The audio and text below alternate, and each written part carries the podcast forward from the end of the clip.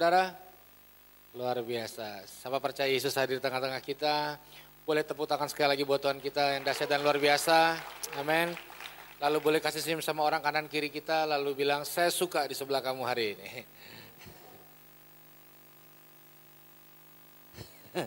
Loh, posisi itu menentukan loh. Saudara percaya nggak?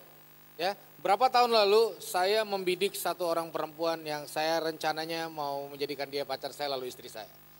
Tanpa diatur sengaja duduk sebelahan. WL-nya peka banget lagi milih lagu. Bergandengan tangan dalam kasih. Gak lama kemudian kami jadi menikah dan hari ini punya anak satu. Posisi menentukan. Gak itu intro aja. Ya senang sekali bisa ada di sini saudara ya nggak kerasa setahun nggak ketemu maksudnya dari tahun lalu baru ketemu lagi tahun ini ya saya percaya kita orang-orang luar biasa dalam Tuhan amin ya saya percaya bahwa minggu bulan ini adalah bulan yang penting amin saudara saya melihat ini saudara tema ini diangkat untuk menabrak banyak banget realita yang di depan mata yang hampir tidak bisa terselesaikan ya jadi begitu banyak kasus-kasus sebutlah hamil di luar nikah Eh, penyakit HIV eh, dan sebagainya dan sebagainya.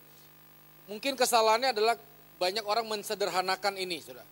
Orang dipikiran bahwa ya pacaran itu ya dari kecil kita udah nonton Beauty and the Beast dan semua film kartun yang ada unsur asmaranya pasti endingnya ciuman, betul gak?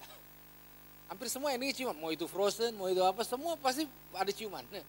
Kalau orang berpikir bahwa cinta itu berarti mirip-mirip asmara lah. Jadi kadang-kadang makanya kadang-kadang orang menerjemahkan dengan gak mudah. Saya bawa statistik sudah. Indonesia itu angka tertinggi perceraian di Asia Pasifik. Maaf kita nggak boleh main-main. Yayasan-yayasan anak Indonesia membuat satu survei. Ya, dari kelas 3 sampai kelas 6 SD, hampir 70% sudah sering melakukan nonton pornografi dari kelas 3 SD. Jadi dari anak-anak kelas 3 SD mereka sudah bahas tentang posisi-posisi, maaf, gaya-gaya dan video terbaru. Eh ada dari Jepang nih, Uzbekistan nih, bla bla bla dan sebagainya. Nah, itu sangat berdampak. Beberapa badan survei, salah satunya yang valid adalah Badan Koordinasi Keluarga Berencana Nasional. Membuat satu survei bahwa 62,7 persen siswa-siswi SMP di Indonesia mengaku sudah pernah melakukan hubungan seks lebih dari sekali. 50% di antara mereka melakukan aborsi ilegal. Sampai hari ini di beberapa daerah di Jakarta sangat banyak aborsi ilegal. Empat, klinik. Dan 20% yang masuk klinik aborsi ilegal nggak keluar hidup. Jadi itu bayangin SMP SMA. Kira-kira kalau masuk fase kuliah dan seterusnya tambah baik apa tambah buruk kira-kira? Kira-kira aja. Lalu saya yakin semua pria di sini yang belum menikah, pasti salah satu mimpi dalam pernikahan kalian adalah kalian menikah dengan seorang wanita yang berhasil menjaga kesuciannya sampai masuk dalam pernikahan yang hebat. Demikian juga dengan semua wanita di sini yang belum menikah pasti punya mimpi. Saat kalian menikah dengan laki-laki yang menjaga keperjakaannya sekuat tenaga supaya suatu saat masuk dalam pernikahan yang hebat dalam Tuhan. Betul gak? Gitu kan? Dan pertanyaannya, kalau survei SMP SMA stok yang tersedia 40 persen, kira-kira waktu usia menikah masih ada nggak stoknya? Lalu rebutan nggak? Nah makanya ini sangat penting untuk kita sungguh-sungguh membuka hati untuk apa yang akan disampaikan selama satu bulan ini. Yang siap katakan amin. Nah, saudara, saya meyakini dasar dari semua hubungan termasuk Tuhan dengan kita. Ketika kita memiliki kualitas hubungan dengan Tuhan, saya ulangi, ketika kita memiliki sebuah kualitas hubungan dengan Tuhan, harusnya secara otomatis terbangun kualitas singleness yang kuat dalam hidup kita. Jadi kalau orang sungguh-sungguh dalam Tuhan, lalu kemampuan bertahan dalam kesendirian yang lemah, mungkin dia perlu definisi ulang apa yang dia yakini bersama Tuhan. Karena keimanan dari awal Tuhan itu pasti bangun kekuatan. Makanya pasti orang yang berjalan bersama Tuhan memiliki pemikiran dan gaya hidup yang berbeda. dari kebanyakan orang pada umumnya. Setuju saudara? Ya, saya kasih contoh. Ada statement bilang gini, di balik pria yang berhasil, pria yang sukses, pria yang luar biasa, pasti ada apa terusannya? Seorang wanita yang luar biasa di sebelahnya, betul gak? Pernah dengar statement itu? Kalau kita pakai kacamata singleness, untuk semua pria di sini. Pria tetap harus jadi orang hebat, orang luar biasa, orang dahsyat. Mau ada orang hebat di sebelahnya atau enggak, dia tetap harus jadi orang hebat. Itu kekuatan kita bersama Tuhan. Amin. Makanya gini, kalau orang mencoba melakukan sebuah hubungan yang berkualitas tanpa Tuhan, pasti unsur yang paling lemah dalam hubungan itu adalah singleness. Ya, mari kita belajar sama-sama hari ini. Amin. Ya, mari kita lihat basic ketika Tuhan mau berkomunikasi membangun kekuatan, pasti Tuhan bangun juga yang namanya kehidupan doa, betul? Makanya Tuhan juga ngajarin kita doa. Setuju? Nah, saya mau ajak kita baca uh, buka Matius 6 ayat 5 sampai 6 sebagai firman di mana pertama kita baca sama-sama Matius 6 ayat 5 sampai 6. Saya akan bacakan buat saudara, semua siap? Dan apabila kamu berdoa, janganlah berdoa seperti orang munafik. Mereka suka mengucapkan doanya dengan berdiri di depan rumah-rumah ibadat dan pada tikungan-tikungan jalan raya supaya mereka dilihat orang. Aku berkata kepadamu sesungguhnya mereka sudah mendapat upahnya. Jadi kalau mau berdoa, bangun hubungan sama Tuhan, milikilah sebuah konsep pemikiran yang benar. Amin. Termasuk berdoa untuk pasangan hidup. Jadi waktu kita mulai berdoa termasuk untuk pasangan hidup, kita lihat ayat selanjutnya. Tetapi jika kamu berdoa, masuklah ke dalam kamarmu, tutuplah pintu dan berdoalah kepada Bapamu yang ada di tempat tersembunyi dan Bapamu yang melihat yang tersembunyi akan membalasnya kepadamu. Saudara lihat ke depan semua. Fokus doa bukan minta sesuatu yang kita mau dari Tuhan. Jadi kalau saudara datang dengan list doa yang panjang, ya tidak ada arahan untuk buat list doa. Betul gak? Aneh kan? Yang Tuhan arahkan apa? Bener mau doa, masuk kamar. Tutup pintu. Berdoa dari tempat yang tersembunyi. Saudara lihat ayat ini, Tuhan ajarkan doa sendiri di tempat yang tersembunyi. Artinya apa? Kita mulai berdoa, membangun kualitas hubungan nama Tuhan, bangun kualitas singleness yang kuat. Amin. Amin. Jadi ekspresi iman, ekspresi doa pasti termanifestasi ketika orang sedang mengalami sebuah kesendirian. Kesendirian itu penting bersama Tuhan. Amin. Maka kalau saudara lihat ya, uh, ada bagian Alkitab berkata dalam Mazmur 91, orang yang tinggal dalam naungan yang maha tinggi. Saudara tahu artinya apa? Ya, di dalam pengertian bahasa aslinya gini. Orang yang punya kebiasaan sendiri bersama Tuhan, orang yang punya habit, sama-sama bilang habit. Sama-sama bilang kebiasaan. Jadi terbiasa sendiri sama Tuhan. Saudara gini, singleness itu nggak bisa instan. Maaf, saudara datang ibadah hari ini pulang nggak simsalabim, saudara punya singleness kuat. Percaya saya tidak. Singleness nggak dibangun di kelas-kelas, di seminar-seminar, di KKR-KKR. Singleness itu dibangun tiap hari dalam gaya hidup. Amin. Saudara Yesus itu teladannya. Kalau saudara ke Israel, Israel itu tekstur negaranya berbatu, saudara. Satu kali saya dapat kesempatan ke sana, lalu saya mikir, Yesus kan anak tukang kayu. Kok tinggal di daerah berbatu? Ini nggak masuk akal gitu. Saya cari unsur-unsur kayu sedikit. Sudah. Lalu saya masuk dalam perenungan. Kenapa Yesus jadi anak tukang kayu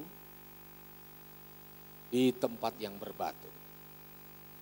Jawabannya adalah, kenapa Yesus anak tukang kayu? Karena suatu saat dia mati di atas kayu. Ketika dia mikul kayu salib, aroma kayu dia sudah rasa dari dia masih kecil jadi proses singleness itu akumulasi. Kacamata Mazmur 91 adalah or, cuma orang yang punya kebiasaan bangun kekuatan singleness yang punya singleness yang sejati. Terbukti kalau lagi sendirian. bukan waktu rame-rame. Yang setuju katakan amin. Amin. Itu sebabnya saudara Yesus teladani hal itu saudara. Membangun kekuatan bukan waktu lagi rame-rame, justru lagi sendiri. Kekuatan dalam kesendirian bersama Tuhan. Itu adalah kekuatan yang sanggup mengubah dunia, mengubah sejarah. Siapa yang rindu hidupnya dipakai Tuhan? Boleh angkat tangan? Saudara, maaf, hari ini kalau kita cuma mempertontonkan betapa aktifnya kita di dalam Tuhan, betapa hafalnya kita lagu rohani dan ayat-ayat rohani, betapa kita terampilnya dalam melayani, melayani.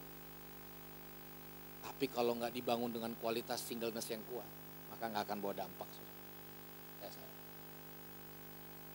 Pertontonan, tontonan yang banyak dunia lagi tunggu, terutama anak-anak muda, adalah anak-anak muda lagi menunggu orang-orang yang punya singleness kuat di dalam Tuhan. Amin. Makanya Yesus contoh saudara. Mari sama-sama kita buka Lukas 5 ayat 15 sampai ayat 16. Saya akan bacakan buat saudara.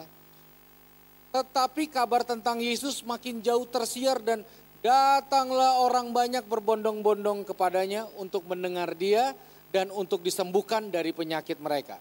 Akan tetapi, ini aneh saudara. Ia mengundurkan diri ke tempat-tempat yang sunyi dan berdoa. Yesus lagi terkenal-terkenalnya saudara. Orang-orang datang dari sana, dari sana. Saudara, ya jujur, saya pembicara. Kadang-kadang jadi pembicara. Nalurinya makin ramai makin semangat. Hadirilah, banjirilah. Muka muncul di Instastory, di Instagram, di Facebook. Wow, makin lu, ah, kayaknya gimana. Kayaknya ukuran suksesnya di situ. Nah Yesus ini semakin banyak orang datang, itu juga masa itu bisa input kekuatan loh. Buktinya, ya saya teruskan cerita ini. Buktinya, siapa murid Yesus yang paling fenomenal? Petrus. Siapa yang jalan di atas air? Petrus. Siapa yang potong telinga Imam Markus? Petrus. Petrus itu fenomenal, tapi coba cek di Alkitab. Dia fenomenal kalau lagi rame-rame. Sekali-kali itu tidak akan terjadi pada, wah lagi rame-rame, kepalanya naik. Coba waktu sendiri, satu perempuan tegur, tiga kali nyangkal. Yesus ini lagi rame-ramenya. Tapi kenapa? Ini ini penting saudara. Semua pria wanita pelajari ini baik-baik. Kenapa Yesus ketika rame-ramenya justru dia milih batalin pelayanan, naik ke atas gunung, berdoa sendirian. Aneh. Saya akan buktikan Yesus punya kebiasaan, sudah. Bukan cuma uh, satu dua kali, tapi itu merupakan sebuah kebiasaan. Lihat Yohanes 6 ayat 15. Mari buka dengan saya. Karena Yesus tahu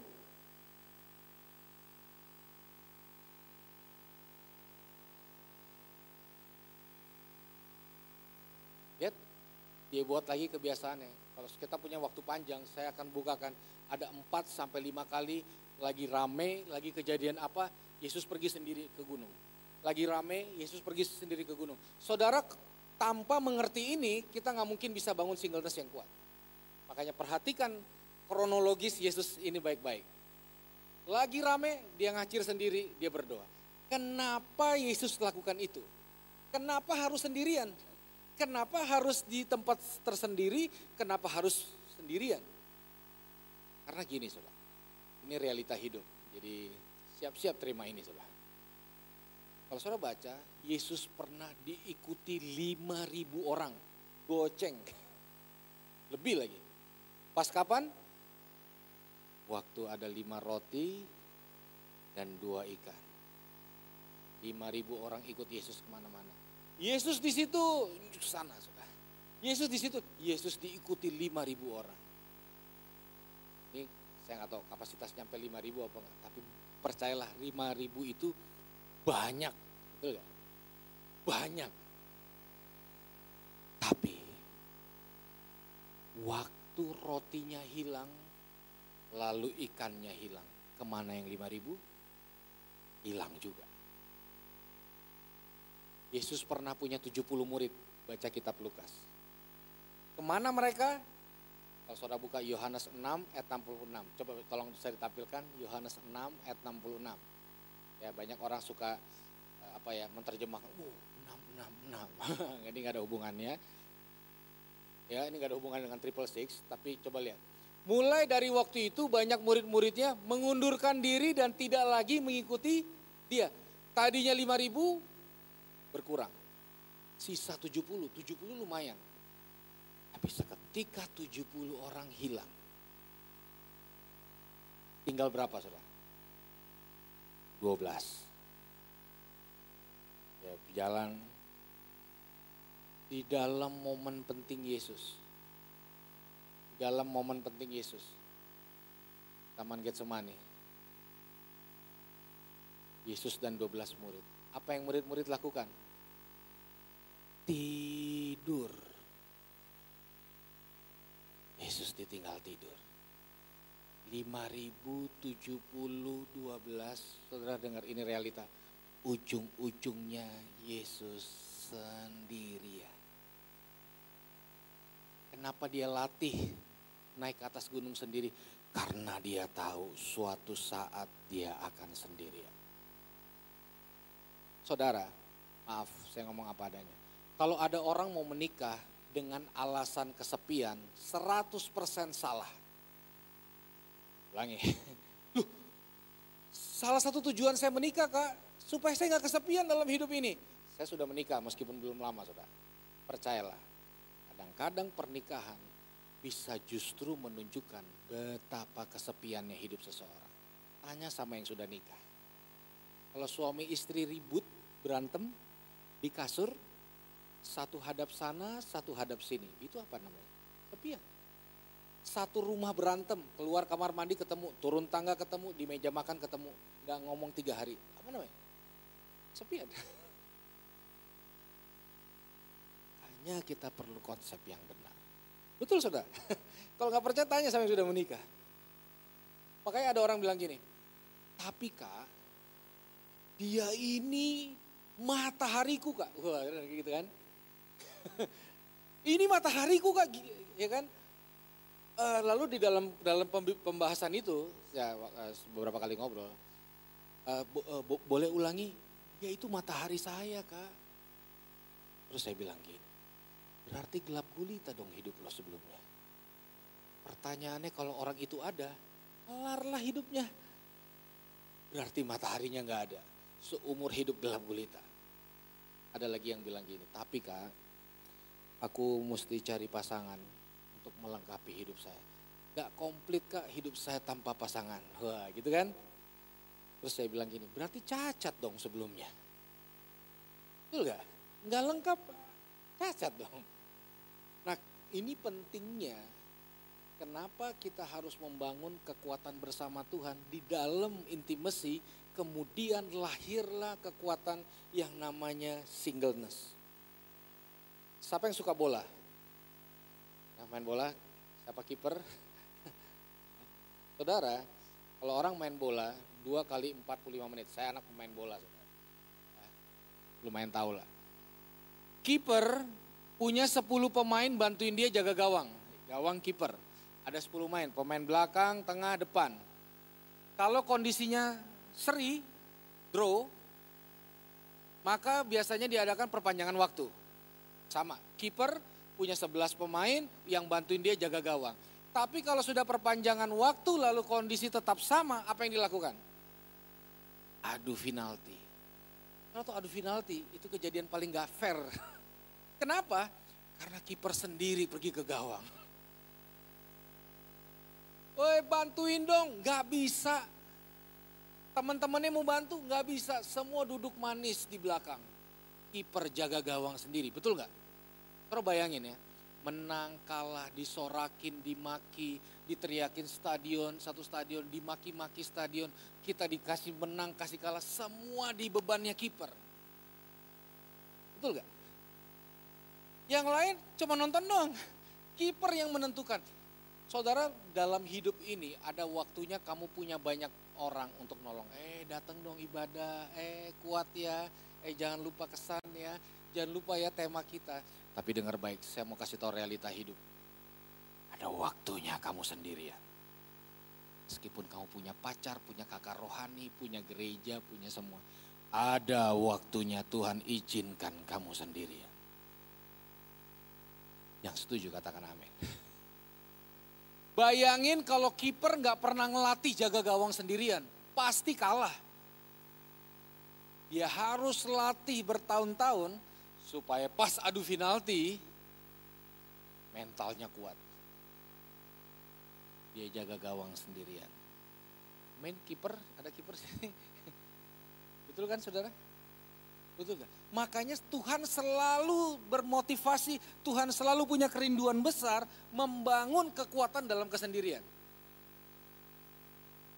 Saudara ada kisah menarik di dalam Alkitab yang buat saya merenung lama. Yesus itu pernah dibilang dia sangat mengasihi tiga orang ini saudara. Marta, Maria, sama Lazarus. Masih ingat? Jadi teksnya bilang Yesus itu mengasihi. Saudara setuju kalau Firman berkata gitu, itu nggak mungkin bohong, betul? Jadi dia mengasihi. Siapa setuju bahwa kasih itu ada ekspresinya? Kalau kita bilang sayang sama orang lalu nggak ada ekspresi uh, uji lagi aja. Jangan-jangan dia nggak sayang karena sayang dan ekspresi menurut saya itu berjalan bersamaan. Nah, satu kali, satu kali Yesus dapat kabar. Dikatakan bahwa Yesus, orang yang kamu kasihi sakit. Namanya Lazarus. Ingat cerita itu? Saya tanya semua. Kalau orang yang kamu sakit, yang kamu kasihi sakit, kita bereaksi gak? Pasti. Kalau nggak telepon, pasti ada dong. Nah, saudara bayangin nih, Yesus ya. Ketika yang dikasihi sakit, Saking sayangnya sama Lazarus. Saking sayangnya sama Lazarus, Tuhan sengaja nggak kunjungin dia. Aneh kan? Ekspresi kasih yang berbeda. Saya sampai baca ulang-ulang, loh kalau orang sakit, begitu kita dapat kabar sakit, pasti kita kunjungin. Betul nggak? Halo? Kalau saudara dapat kabar dari orang tua, orang tua kita sakit, oh ya udah ntar sebulan lagi dia baru kunjungi, itu kurang ajar namanya. Udah tuh orang tua sakit, bulan depan baru dikunjungi. Tapi Yesus, saking dia mengasihinya, nah, saya coba pelan-pelan supaya saudara nggak kehilangan poin keren banget ini saudara. Dia sengaja biarin sakit. Lalu saking sayangnya, saking mengasihi Lazarus. Tuhan sengaja buat Lazarus sampai meninggal. Ini bukan kasih namanya, ini kasih. Saking sayangnya Tuhan biarkan Lazarus meninggal. Bahkan saking sayangnya lagi, Suroto, apa yang Tuhan lakukan sama orang yang dia sayang? Dibiarkan beberapa hari sampai busuk. Gak masuk akal. Saya satu kali pelayanan ke pedalaman Kalimantan, saudara. Lalu habis pelayanan disajikan makanan B1, B2. Nah? Ya, Scooby sama itu loh sapi ekor pendek tuh. yang Scooby saya nggak makan, yang saya makan sapi ekor pendek tuh. Enak sudah, enak. Saya saya suka dan saya kepo nanya, wih basa basi, ini bikinnya gimana nih? Kok enak banget? Dia mulai jelaskan. Jadi gini, kami masak babi itu beda dengan yang lain. Bedanya iya, jadi daging itu sengaja dibusukin dulu. Hah? Untung saya nanya udah makan. Jadi sampai benar-benar ada unsur busuknya di daging, baru diolah dikasih bahan, dibuat makanan. Enak. Bisa ya? Lalu kesimpulan saya adalah mereka suka yang busuk. Hah? Aneh. Lalu lagi gitu tiba-tiba saya ingat ayat ini. Loh, juga suka yang busuk. Buktinya apa? Lazarus sengaja dibiarin busuk, bener gak? Bener gak? Kenapa Yesus suka yang busuk? Nah gini saudara. Sesuatu yang busuk pasti udah gak ada yang mau, betul? Ada yang mau? Sesuatu yang busuk pasti gak ada yang punya. Sesuatu yang busuk pasti udah gak ada yang mau saudara. Nah ketika Lazarus mengalami hal itu, benar-benar dari hati Tuhan bilang sama Lazarus, Lazarus tinggal kita berdua. Tinggal kamu. Terus sadar ada beberapa kejadian, sengaja Tuhan izinkan. Supaya Tuhan bisa bilang, sama kamu, sama kamu semua. Aku tinggal kita berdua. Kekuatan singleness sejati. Tuhan, kita. Ada waktunya Tuhan singkirkan orang-orang di sekitar kita. Tuhan izinkan orang-orang di sekitar kita tidak tersedia. Saya pernah alami hal itu? Rasanya gini nih, kesepian di tengah keramaian. Aneh. Rasa gimana gitu. Tapi waktu kita berjalan bersama Tuhan, di situlah Tuhan tinggal kita berdua itu kekuatan hubungan termasuk dalam hubungan pranikah. Kenapa kita mesti bangun kekuatan single?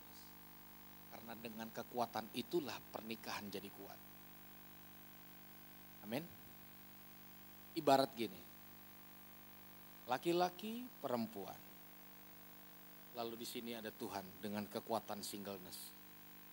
Andai kata berpisah, terlepas hubungan ini saya tanya, terpisah enggak? Enggak, karena ada kekuatan di atas yang tetap menyatukan. Itu kekuatan single. Jujur, yang jadi idola aja sekarang nalak cerai kok. Lalu patokan kita siapa? Betul gak? Itu shock terapi untuk anak-anak Tuhan. Yang diidolakan mengumumkan perceraiannya. Berapa tahun lalu salah satu WL worship leader terkenal di Amerika mengumumkan perceraiannya. Sama juga di Indonesia. Mengumumkan perceraiannya lalu pernikahan yang selanjutnya. Itu tontonan yang kita lihat. Orang bisa ngomong gini, Kak, kalau terjadi sama dia, bisa juga terjadi sama saya Kak. Dia yang udah super holy aja Kak, tiap hari di hadirat Tuhan bisa terjadi. Gimana dengan saya? Hanya latih setiap hari. Gak instan Jangan jadikan ini cuma tema aja. Kalau tema bulan ini habis Februari, eh Maret tema lain. Betul? Jadikan ini sebuah tema. Terus, makanya saya ada istilah gini saudara. Single itu forever. Jomblo itu nasib. Betul nggak? Sampai sudah punya anak, sudah punya cucu, orang akan terus berurusan dengan masa singlenya. Masa kesendiriannya. Betul? sebagai laki-laki, sebagai perempuan. Pasti. Contoh kasus, saya ngalamin. Seorang pria sudah nikah pulang, lembur, nyampe rumah. Ditanya sama istrinya, Pak, dari mana jam segini? Pertanyaan sederhana, betul gak? Lalu ini suaminya yang udah capek kerja lembur seharian, emosi. Curiga amat sih. Nggak tahu apa ini kerja lembur Pulang bukannya disambut buat teh kek, buat apa kek. Curigaan amat sih. Loh, lalu istrinya bilang gini, loh kalau nggak ada apa-apa jangan marah dong. Kok bawa beda dari biasanya? Ini pasti ada sesuatu. Kalau nggak ada apa-apa ya udah tenang aja dong. Loh maksudnya apa mama? Ribut dan akhirnya memutuskan untuk pisah. Cuma gara-gara pa dari mana? Bener? Bener? bermasalah di mana? Singlenessnya. Yang satu ngerasa akan oke okay kalau ini selalu memberikan yang terbaik. Loh pasangan hidup kita bukan malaikat saudara. Betul nggak? Kalau saudara mau sempurna, nikahkanlah malaikat. Tapi nggak ada gimana caranya nikahin malaikat. Gak bisa, nggak ada yang perfect. Suatu saat pasangan kalian akan lakukan kesalahan. Kalau singleness kita nggak kuat, itu kita bermasalah. Saudara percaya saya, saudara. Detik kamu menikah, saya ulangi. Detik kamu menikah, yang wanita, detik kamu menikah, kamu akan terus bisa menemukan laki-laki yang lebih ganteng, lebih rohani, lebih baik, lebih available, lebih pengertian, lebih hangat. Yang pria detik kamu menikah, kamu akan bisa ketemu wanita yang lebih baik, lebih rohani, lebih available, lebih pengertian, lebih sabar dan sebagainya. Jadi patokannya di mana? di luar atau di dalam. Orang-orang yang gak punya singleness yang kuat, emosinya selalu tergantung pihak luar. Tapi orang yang punya singleness kuat, Kekuatannya bukan dari luar, tapi dari dalam. Dia mampu mengubah yang di luar. Yang setuju, katakan amin. Makanya ini harga mati sudah. Amin. Saudara nggak mungkin bisa lewati ini tanpa firman e, mempengaruhi hidup kita, tanpa firman itu uh, mengimpact sesuatu yang positif dalam hidup kita. Makanya kita harus terus bangun dan terus bangun dan terus bangun kekuatan singleness. Saya satu uh, cerita, ini terakhir saya mau cerita buat saudara. Saya ajak saudara buka kejadian 29 ayat 31 sampai ayat 35. Ini tokoh sangat menginspirasi saya saudara. Seorang wanita yang uh, ya jujur, salah satu cerita di Alkitab yang uh, saya sangat kagumi saudara. Kejadian 29 ayat 31 sampai ayat 35. Oke. Nah, sebelum kita baca ayat ini, izinkan saya cerita sedikit latar belakang ceritanya. Ini kisah romantis. ini mirip sinetron. Jadi satu kali ada seorang tokoh bernama Yakub dan di dalam hidupnya dia bertemu dengan seorang wanita yang dia jatuh cinta dengan wanita itu. Ada yang tahu namanya? Siapa? Rahel. Orang jatuh cinta, Yakub ini pintar untuk mendapatkan Rahel yang dia deketin siapanya? Bapaknya. Oh ini pemain ini. Profesional. Jam terbang tinggi. Dia nggak langsung berdekatan sama Rahel. Karena apa? Bapaknya dapat, anaknya dapat. Nah gitu. Dideketinlah bapaknya. Bapaknya Rahel bernama Laban. Bukan si Laban ya. Laban. Lalu mereka berdiskusi tanpa Rahel uh, Bapak Laban, saya suka sama anak Bapak, lalu saya mau menikahi. Saya, dan Laban ini saudara ternyata, ya kalau istilahnya 378, penipu. Yakub juga penipu. Ya, ternyata di atas penipu masih ada penipu. Di atas langit masih ada langit. Niat hati mau nipu, ditipu balik sama mertua, calon mertua. Oke, kalau kamu mau sama anak saya Rahel, kamu harus kerja sama saya selama tujuh tahun. Tujuh tahun lama sudah, tujuh kali Natal, tujuh kali Pasca, lama. Ya namanya orang jatuh cinta, kecil tujuh tahun. Senin, Selasa, Rabu, Kamis, Jumat, Sabtu, Minggu, Januari, Februari, Maret, April, satu tahun. Januari, Februari, Maret, Senin, Selasa, Rabu, Kamis, Jumat, itu kalender dua tahun. Tiga tahun, makin kedeket tujuh makin deg-degan ya. Ih, kawin, kawin. yang bayangin, mendekati hari H itu one day saudara akan rasa. Saudara akan rasa kalau saudara dalam waktu Tuhan saudara mau menikah, lalu hitungan mundur itu, itu ada sensasinya sendirilah. Hamin tujuh, Hamin lima, Hamin tiga, sama. Yakub juga gitu. Mungkin di tahun terakhir, boh, benar-benar dia kerja excellent. Sampai tiba waktunya. Yeah, kawin ya ini versi saya nggak ada di Alkitab. Ini bayangan saya. Ya, di tempat seperti ini mungkin ya, ibadah pemberkatan dilakukan. Mempelai pria masuk tempat pernikahan. Yakub tujuh tahun kecil. Lalu nggak lama kemudian dipanggillah mempelai wanita. Dengan anggunnya, dengan cadar yang indah maju. Lalu pemberkatan dilakukan. Sah. Lalu yang ditunggu-tunggu apa? Nanti kalau saudara sudah uh, dalam pernikahan, mungkin ini juga mungkin enggak. Wedding kiss. Wah. Dan mungkin nafas terenganga dibukalah cadar calon istrinya yang sah sudah diberkati. Begitu dibuka ternyata bukan Rahel. Ditipu dia. Ternyata Leah saudaranya. Sudah keburu diberkati saudara. Saudara bayangin gak? Gimana? Sudah membayangkan mungkin panjangnya. Wah nanti punya anak, malam pertama udah panjang. Begitu lihat, loh beda. Yakub nggak sayang sama Lea. Ada nanti ada. Nah tapi ini yang sedih. Ini kisah sedih tak berujung. Lea jatuh cinta sama Yakub. Tapi cintanya bertepuk sebelah tangan. itu sangat tidak enak. Yang pernah mengalami katakan amin. Oh, kurang, kurang, kurang. Hampir, yuk untung, untung.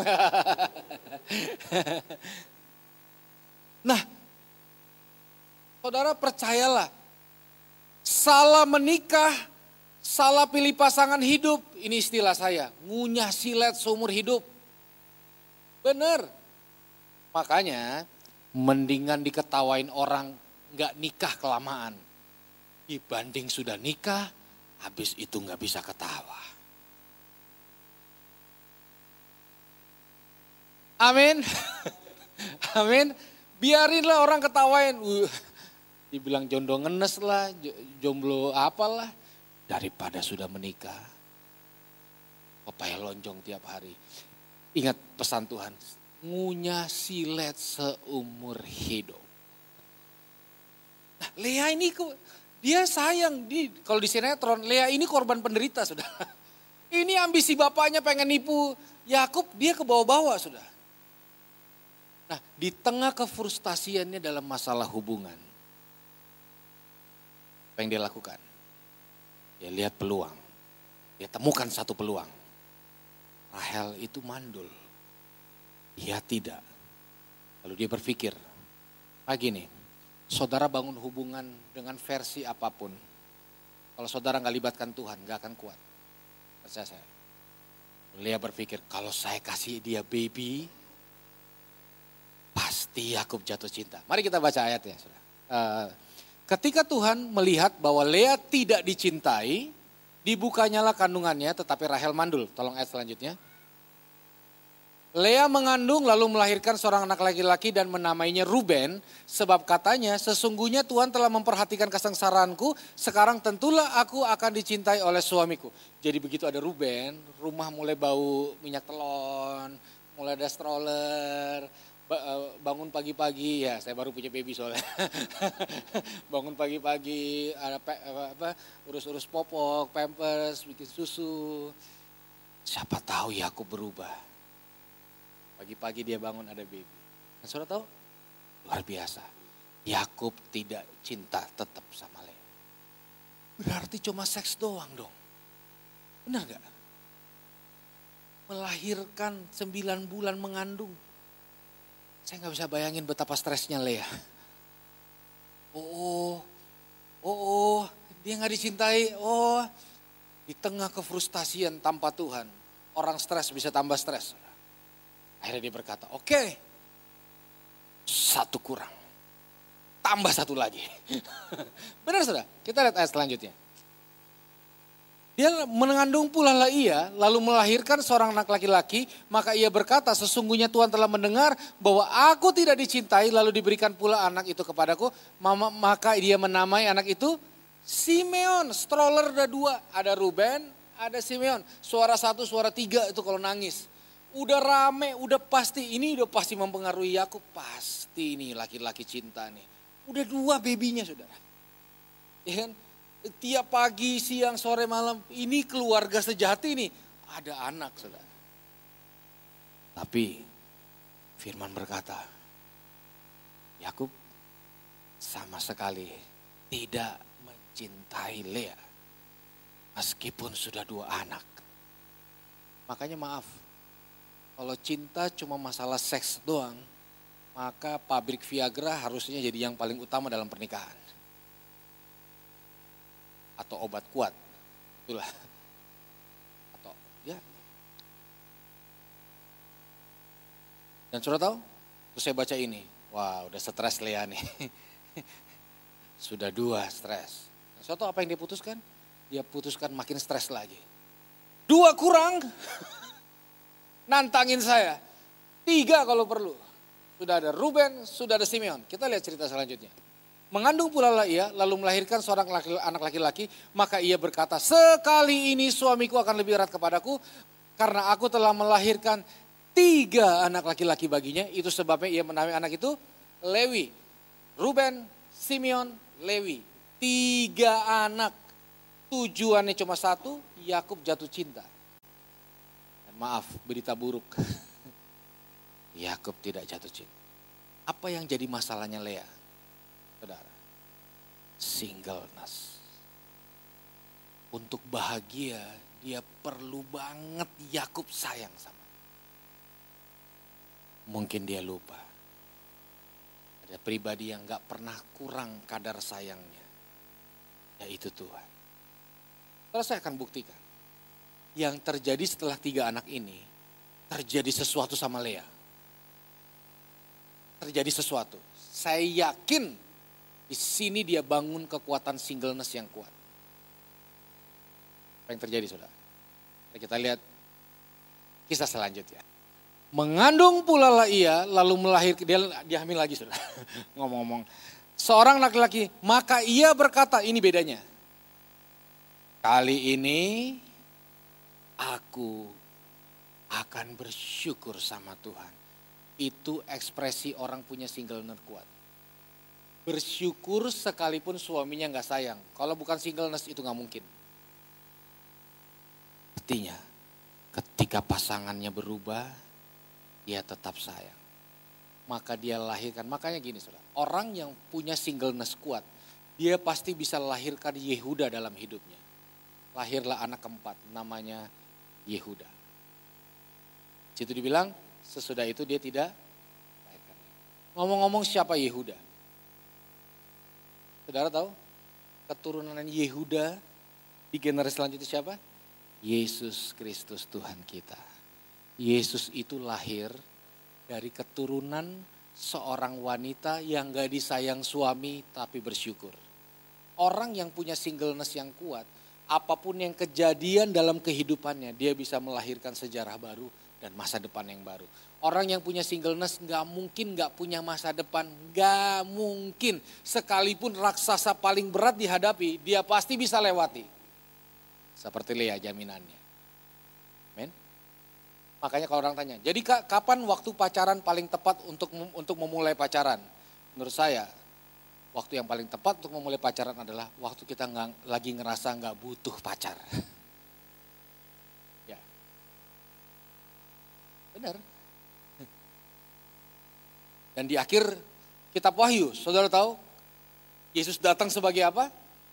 singa dari Yehuda. Lahir dari perempuan sederhana bernama Lea, tapi punya singleness kuat. Saudara, uh, mungkin berikut waktu akan kalau ada kesempatan lagi saya ajak istri saya. Saya asli Ambon, mama Manado.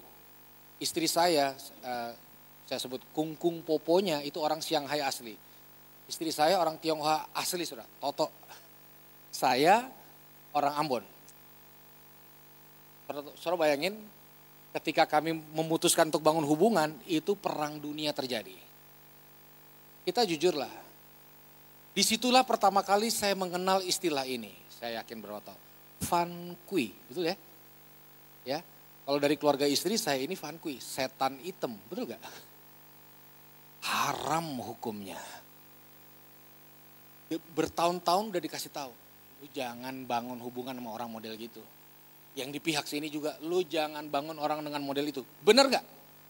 Bener gak? Saya tanya, ada gak bayi lahir rasis? Gak ada. Rasis itu adalah sesuatu kita konsumsi. Betul gak? Bayangan, bayangin kalau kita membangun hubungan tanpa semua paradigma yang sehat. Memang gak gampang, saya cerita sudah. Itu musibah buat keluarga istri.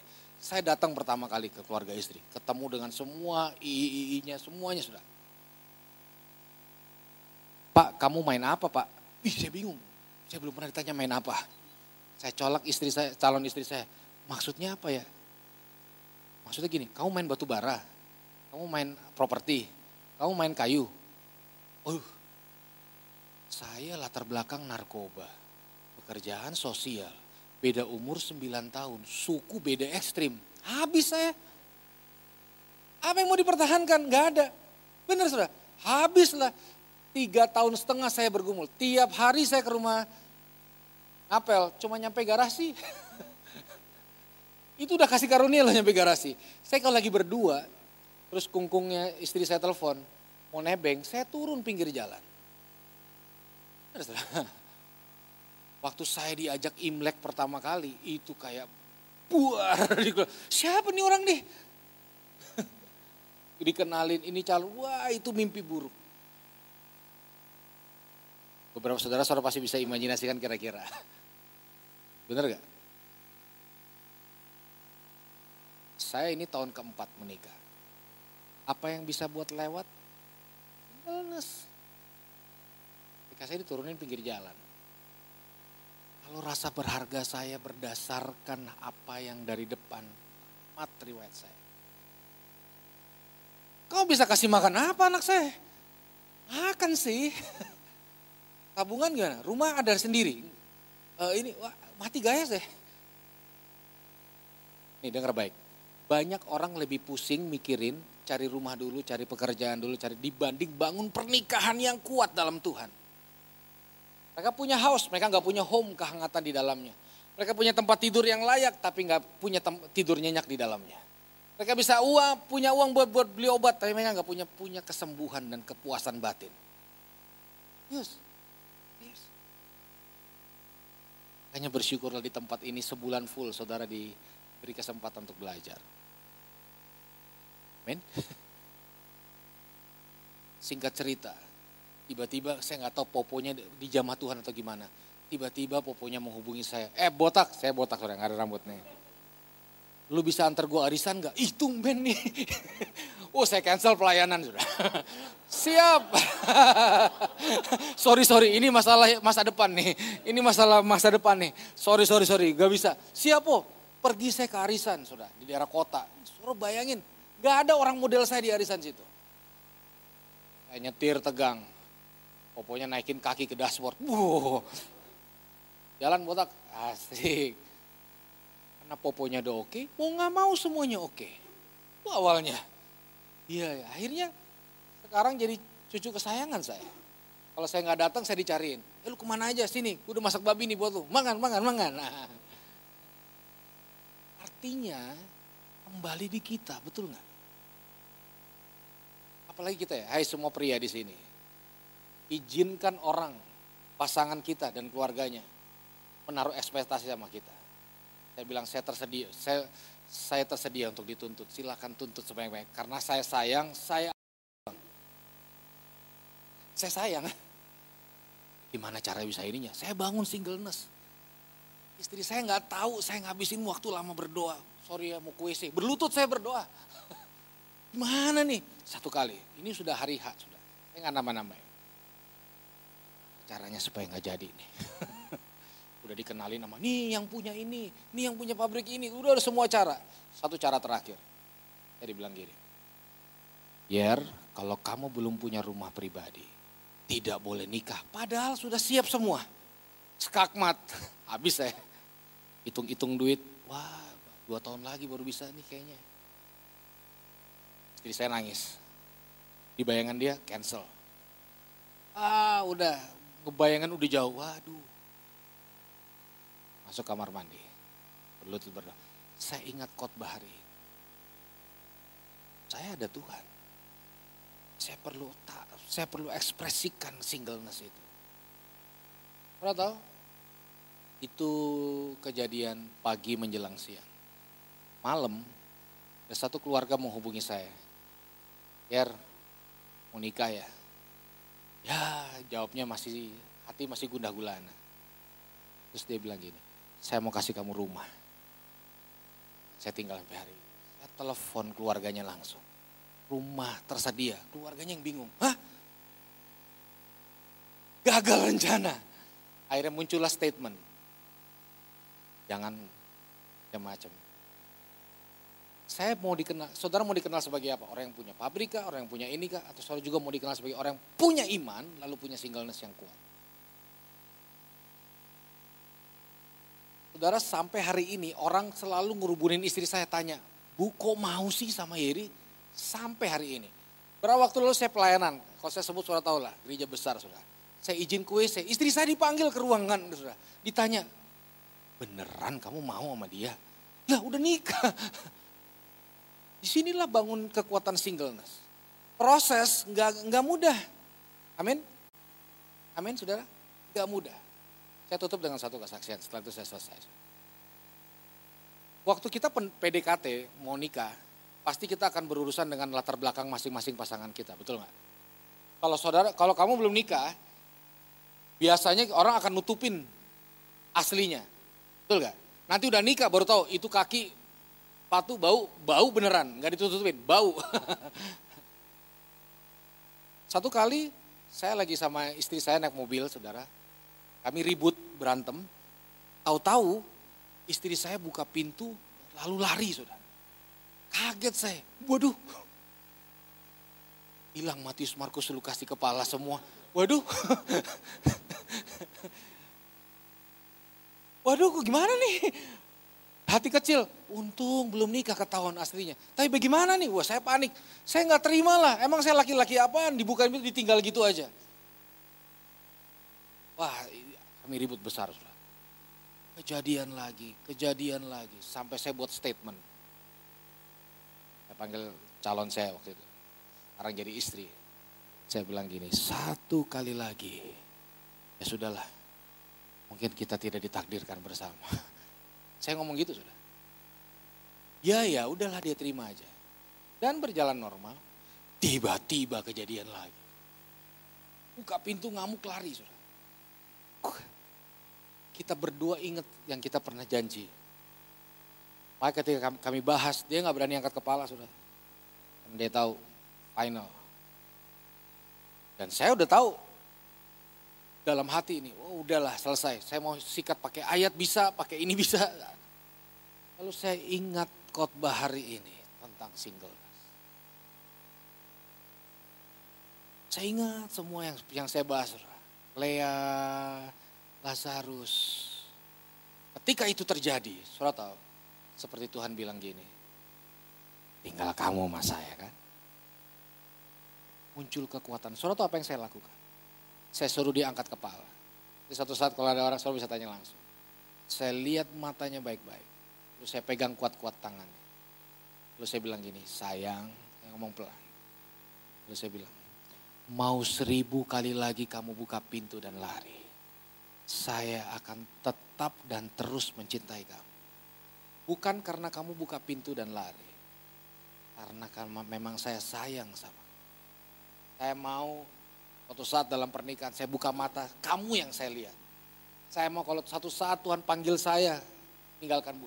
Orang yang terakhir saya lihat, saya mau saya mau menghabiskan waktu ngurus anak dan cucu sama kamu. Sejak itu nggak pernah buat lagi.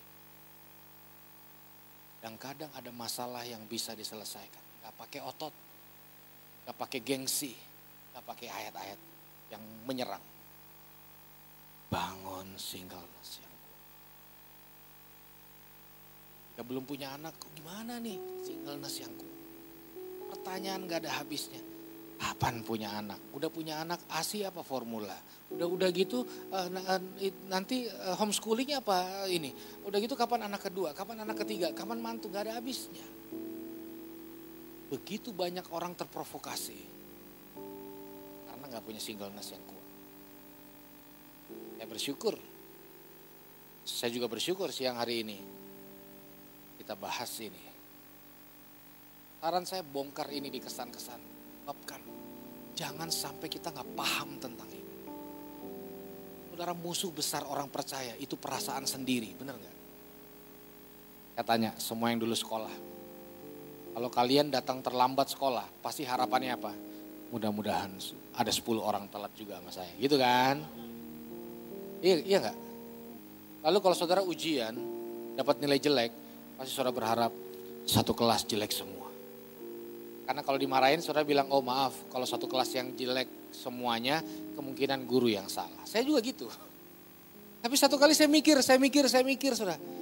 Oh, oh ini bukan masalah telat masuk. Ini bukan masalah dapat nilai jelek. Ini masalah apa saudara? Saya nggak suka sendirian. Suka. Banyak orang akhirnya orang upgrade dirinya supaya dia jangan sampai beda sama yang lain. Pernah pernah lihat kan ketika fashion satu ada orang-orang tertentu yang gak nyambung kalau dipakai, tapi tetap pak paksain aja nyambung. Karena orang takut beda, orang takut beda.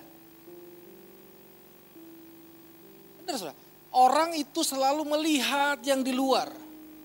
Gak usah gitu deh, saya tanya. Menurut saudara, orang lebih percaya saya ini debt collector, preman apa pembicara? Bener, saya berkali-kali pernah mau ditangkap sapam pas pelayanan. Dipikir mau maling di ibadah sudah. Padahal saya pembicaranya. Bener. Ya dipikir uh, mau ngapain kamu? Berkali-kali sudah, berkali-kali. Kalau saya ajak teman, biasanya teman, Pak silakan Pak. Loh, saya Bayangin kalau saya nggak punya singleness yang kuat. Kerjaannya baper, kecewa, merenungin ini nasib terus. Kan hujan-hujan gini di jendela, denger lagu Korea. oh mama, oh no no no. Eh dengar baik-baik, anak muda jadilah orang yang kuat sebelum nikah. Jangan pikir udah nikah baru kuat, no. Apa yang kalian bangun di masa pranikah itu sangat menentukan apa yang kalian lakukan setelah menikah. Jadi bersyukurlah untuk tema hari ini, berdoa. Kalau ada hari ini, saudara saya nggak tahu ya, kadang-kadang ini bisa terjadi secara siklus. Rasa sendirian. Secara siklus. Makanya saudara percaya nggak? Ini terjadi di anak-anak Tuhan loh Kadang-kadang teman-teman pelayanan saya atau teman-teman di gereja sering lakukan ini, missing in action. Tiba-tiba suka skip aja hilang gak tahu di mana. Handphone gak bisa, kayak ngerasa kayak gue sendiri ya. Udah ngerasa kayak satu dunia ini gak bisa ngerti. Makanya kalau saudara buka Alkitab pasal terakhir, ayat terakhir. Alkitab closing statementnya apa? kasih karunia Tuhan Yesus menyertai kamu sekalian. Artinya apa? Closing statement dari Bible adalah you are not Itu cukup buat saya hadapi semua raksasa hidup. Itu cukup untuk saya hapus air mata, bangkit, kuatin kaki, jalan lagi. Setiap kali saya meyakini, you are Nih, maaf menyedihkan atau mungkin tapi ini kenyataan. Suatu saat ada waktunya kalian gak bisa ketemu orang kanan kirimu lagi. Kalau punya leader di sini, suatu saat kamu gak bisa ketemu dia lagi. Saudara mau sayang sama orang tua, suatu saat kamu gak bisa ketemu dia lagi. Suatu saat kamu pasti sendirian. Dan kalau kamu lagi ngalamin itu, Ingatlah perkataan Manuel, Tuhan menyertai. You are not alone. Amin. Siapa bilang kita sendirian? Saya yakin semua yang duduk di tempat ini, yang di belakang, di depan, one day yang belum menikah, masuk dalam pernikahan hebat dalam Amin. Saya waktu nikah, saya pasang tema sudah kayak KKR Love Restoration Wedding. Wow, saya nggak buat resepsi yang besar, saya buat ibadah yang panjang dan kuat. Setelah pemberkatan, saya tantang tamu-tamu saya alami singleness, pemulihan dalam keluarga. Saya undang yang pemakai narkoba, saya undang yang keluarga hancur, saudara. Bahkan saya undang beberapa geng motor datang dengan aksesoris. Orang bilang, ih ngapain ada geng motor datang? Bodoh amat. Mumpung Raja Sehari, saya bilang sama calon saya, boleh nggak kita pakai momen pernikahan kita untuk membangun banyak orang. Saya jelaskan sedikit tentang singleness dan pemulihan dalam keluarga. Ini tema strong from home. Mulai dari keluarga, dari masa lalu. Itulah buah sulung saya, orang-orang yang mengalami Tuhan dalam pernikahan. Saya akan ajar anak saya alami hal yang sama. Saya, saya punya putri saudara. Saya cinta pertama putri saya. Saya pahlawan pertama putri saya. Saya bangun dari saya belum pacaran. Kekuatan singleness. Syukurlah kita punya Tuhan yang baik. Amin. Saya berdoa kita berjalan dalam perjalanan iman. Sampai tutup mata, gak ada yang mundur, gak ada yang berhenti di tengah jalan. Yang setuju katakan amin. Mari kita turunkan.